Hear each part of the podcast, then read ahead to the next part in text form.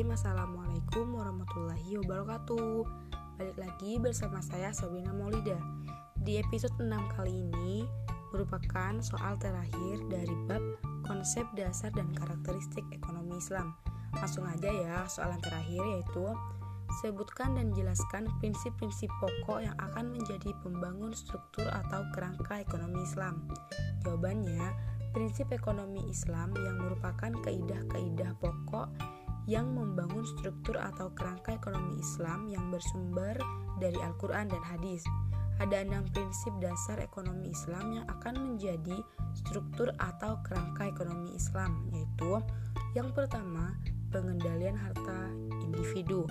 Harta individu harus dikendalikan agar terus mengalir secara produktif tidak boleh ditumpuk akan tetapi mengalir secara produktif ke dalam aktivitas pada sektor real dan bentuk zakat dalam bentuk zakat, infak, dan wakaf.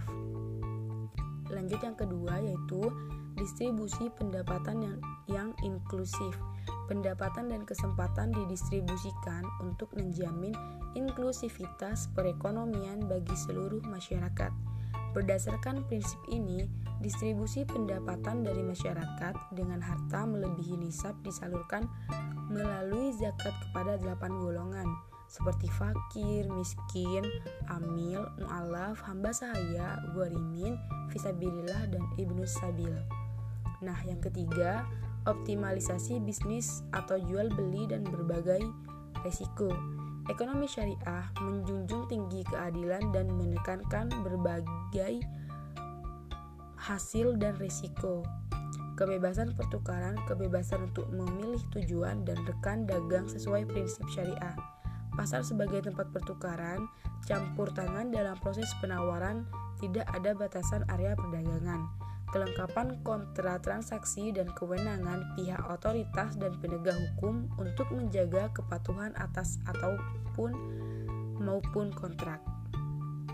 Yang keempat yaitu transaksi keuangan terkait erat sektor real. Ekonomi Islam mendorong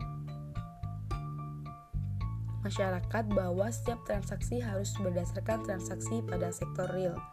Menurut prinsip dasar ini, transaksi keuangan hanya terjadi jika ada transaksi sektor real yang perlu difasilitasi oleh transaksi keuangan.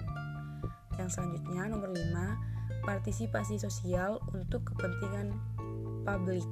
Ekonomi Islam mendorong pihak yang memiliki harta untuk berpartisipasi membangun kepentingan bersama, seperti mewakafkan tanah untuk membangun masjid, rumah sakit, membeli sukuk untuk pembangunan jembatan, tol, dan sebagainya.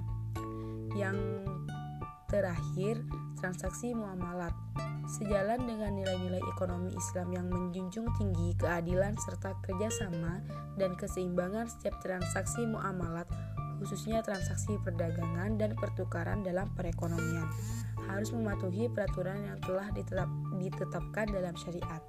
Segitu aja episode 6 kali ini sekaligus soal terakhir dari bab 1. Terima kasih. Wassalamualaikum warahmatullahi wabarakatuh.